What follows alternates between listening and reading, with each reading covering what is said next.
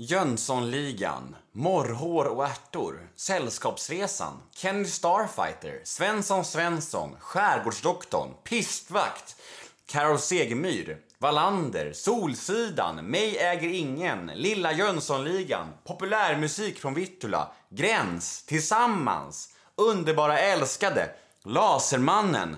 Ja, jag skulle kunna fortsätta i flera timmar känns det som. Vad har då alla dessa produktioner gemensamt? Jo, Sten Ljunggren medverkar i samtliga av dem och det är bara ett axplock av hans otroliga karriär.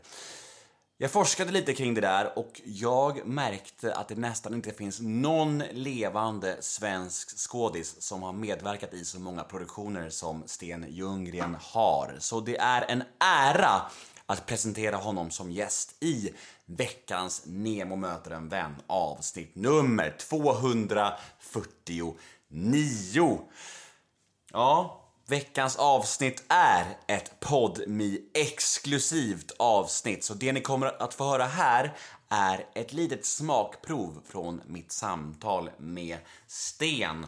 Och om ni vill höra episoden i sin helhet, ja, då måste ni gå in på podmi.com eller ladda ner podmi appen Och väl där inne så bör ni prenumerera på Nemo möter en vän. Och det kostar 29 kronor i månaden och första månaden är helt gratis. Så jag tycker verkligen ni borde prova det. I alla fall gratismånaden, för gratis är ju gott. Och då, då kan ni passa på att konsumera de tidigare avsnitten som jag har släppt under det här premiumformatet. Robert Gustafsson, Magnus Hedman, Marie Göransson, Steffo Törnqvist och alla möjliga fina episoder som jag har släppt senaste tiden. Ja, den här episoden då, Sten Ljunggren. Mm, jag åkte hem till Sten på Östermalm och eh, jag lät honom berätta sin livshistoria rakt upp och ner helt enkelt. Och det är ju speciellt att slå sig ner vid de här legenderna. De har så mycket att berätta och det var inget undantag med Sten. Det var verkligen fantastiskt och jag hoppas att ni kommer tycka om det här lika mycket som jag gjorde för det var en väldigt fin stund. Jag heter Nemo Hedén på Instagram och ni får gärna följa mig där, då blir jag superglad. Och vill ni mig något så finns jag på nemohedén gmail.com. Och eh, podden, den klipps precis som vanligt av Mats Palmgren och Samuel Rydén från PR Productions. Och eh, här följer då ett litet smakprov från mitt samtal med Sten Ljunggren. Och vill ni höra episoden i sin helhet? Ja, då får ni ratta in på Podmi. Nu kör vi! Neo möter en vän avsnitt nummer 249. Gäst Sten Ljunggren. Rulla gingen. Nemo är en kändis, den största som vi har. Nu ska han snacka med en kändis och göra någon glad. Ja! Nemo,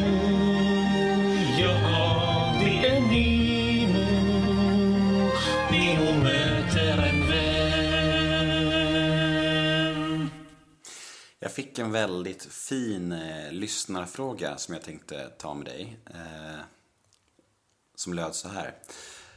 Rösten, vad är den skapad av? Är det whisky, sorg, smärta? Han har en så inlig berättarröst. Har den förändrats genom åren? Har den utvecklats?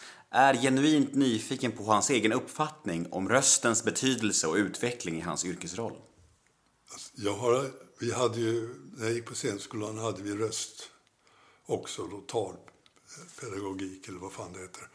Och den var ju liksom ingenting.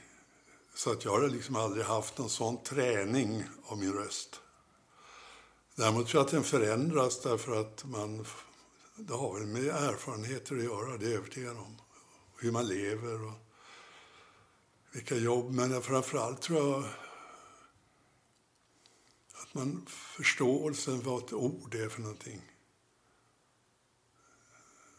Vad som finns bakom ett ord, eller meningar eller texter. Alltså det är ju det intressanta är ju det som finns under. Så att säga.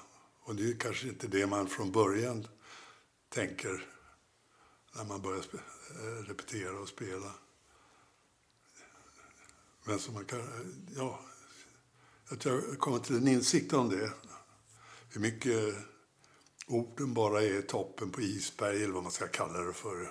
Någon banal liknelse, men i alla fall.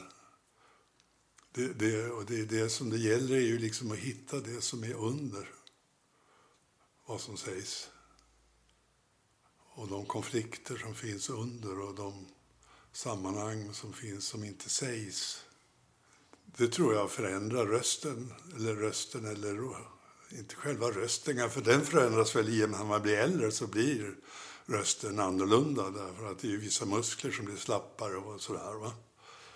Så att rösten blir ju annorlunda när man är 80 än när man är 30.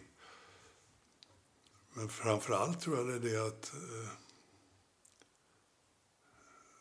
man har en annan erfarenhet. Inte någon whiskyerfarenhet skulle jag säga i mitt fall, men man, man, man, man vet mer om vad som kan dölja sig i en människa, tror jag. Och hur mycket sorg och smärta är det då? En del sorg och smärta finns naturligtvis. Men det har väl alla människor med sig, skulle jag säga. Så är det. Eh, jag eh, läste på lite om dig inför den här intervjun, som jag alltid gör när jag träffar eh, nya intervjuobjekt, om man säger så. Och jag läste att du har gjort över 140 grejer i tv och film. Och då har vi inte ens räknat liksom, teatern. 140 olika tv och filmprojekt. Ja. Eh, Det är ju ganska galet. Och eh, jag undrar om du, om du kan svara på varför du är en av de mest anlitade skådisarna i liksom svensk ja, tv-historia. Jag vet inte. Kanske för att jag är billig. Är det så enkelt verkligen? Nej, nej det är det väl inte. Men man kan Är du billig? Ja, jag tror förhållandevis. Jag har ju aldrig haft någon sån här... Eh, advokat heter inte. Agent? Agent. Advokat? Jag har aldrig haft någon agent eller jag, jag har liksom inte varit särskilt besvärlig att förhandla med. Men det är väl inte orsaken i och för sig. Men jag har väl sagt ja till mycket som man kanske kunde ha sagt nej till och sådär va. Det är ju väldigt mycket små saker alltså. En del är ju lite mer och roligare, en del är väl liksom lite mer likgiltigt. Kan du nämna någon grej som du faktiskt ångrar att du ställde upp i? Nej, det kan jag inte. jag kommer inte ihåg. Din hjärna har filtrerat bort all skit. Min hjärna har filtrerat bort det mesta. Ja. Eller vad det heter. Det är väl de här synapserna som släcks ner. Ja. Men hur är det med minnet? Eh, Sämre. ja. Sämre, framförallt närminnet blir sämre. Alltså, närminnet kanske. Men till exempel i ord, alltså jag kommer inte ihåg ord som jag kunde förut. Jag kommer inte ihåg namn på människor, men det är tydligen ganska vanligt. Som jag känner väl. Som till exempel Ingela Olsson. Ehm, men det är att de gamla orden finns ju alltid. De första orden finns ju kvar. Alltså. Men, men det är de nyare orden som man kunde svänga sig med förr som är lite latinska eller franska eller tyska eller engelska. Alltså du vet, som har liksom mera tjusiga ord. Det var kul att använda. De kom jag inte på så där direkt. Det tar kanske några minuter innan jag kom på det. Då är det ju för sent att använda det. Så det, det märker jag ju tydligt att det förse- försämring där i förmågan att få fram ord och namn, även om jag vet precis vem det är och så. Sen eh, när det gäller eh, lära sig texter så tar det också längre tid. Det gör det. För jag hade en fråga som handlade exakt om det, som jag kan ta när vi ändå pratar om ämnet. Blir det svårare att läsa? Blir det svårare att lära sig alla repliker med åldern eller blir det enklare på grund av all rutin? Ja, det blir svårare tycker jag. Jag får jobba ganska mycket med det. Eh, Och det, sånt får man ju alltid göra hemma. Jag vet ju någon uppsättning som hade jag antecknade hur mycket jag höll på hemma. Då var det 60 timmar som jag satt obetald arbetstid så att säga. Det är inte så höga löner på teatrarna om man inte jobbar på privatteater. Är det bra. All right. Du, ehm, som du nämnde tidigare så eh, fyllde du 80 eh, i oktober. Hur tänker du om att åldras? Är du, är, är du rädd för döden? Är det något som du tänker på eller hur funkar det där? Strindberg säger ju att att bli gammal, roligt är det inte, men intressant. Och det är väl någon sorts skydd där. Nej, Alltså jag, jag håller ju med, det är väl inget större nöje att bli gammal i och för sig. Va? Eftersom jag är inte så... Det är liksom inte själva att bli gammal som är, är utan det är liksom hur allting blir sämre. Knäna blir dåliga och man tänker, alltså huvudet blir sämre. Och, alltså det, man känner ju den här hela tiden försämringen av kropp och huvud. Men annars så går inte jag och grubblar över det så mycket. Jag har ingen större dödsångest, har jag inte. Det är inte så kul att tänka på, men det är ju mest man kommer sak. Alltså, jag skulle vilja veta vad som händer. det får man ju inte. Vad, är det för eh, medeltemperatur på jorden 2040? Det skulle jag vilja veta. Men det är ju mina barnbarn som får veta, och mina barn också för all del. Så det är mycket så. Jag vill också, också, veta vad som händer medan mina barn vet jag ju i princip, men eh, jag vet ju inte hur det går för dem. Men barnbarn undrar man ju vad ska det bli med dem och sådär, och vad ska hända? Och, ja, det är mycket sådana nära relationer som man egentligen vill veta hur det ska gå. Det kan kännas lite sorgset. Men någon ångest över att, bli, att dö, det, det kan jag inte säga att jag har faktiskt. Men det gäller väl att... att få, alltså, man, man får ju tänka så här att det spelar, spelar ingen roll hur gammal du än är så har du ändå en slutpunkt där. Så det finns ju ingen anledning att de sista åren börja tänka på att där, nu är jag där. Jag kan ju tänka på det hela tiden i så fall, för det är ju ändå ofrånkomligt. Så då är det lika bra. Man lever så att säga i eh, nuet skulle jag inte säga, men i...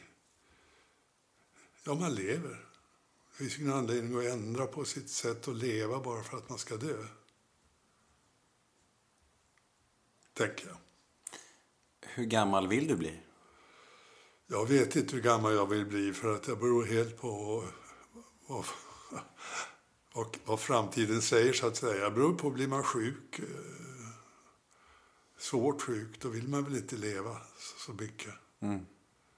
Får man, eh, blir man dement så har man väl ingen lust, då vill man väl hellre att man ska slippa det. Så är man frisk så vill jag leva så länge jag kan. Tänker jag. Vart har du frugan förresten? Frugan är i, på Gotland. Okej. Och mina barn är också där. Men eh, jag började jobba i, i slutet på juli, eller sista juli. Så att, eh, 30 juli började jag kanske. 30 juli började jag. börja. Men hon kunde ju vara kvar då. Du, eh, vi ska leka en liten lek som heter antingen eller. Och det går ut på att jag säger två stycken alternativ och du får helt enkelt bara välja mellan två, de två alternativen.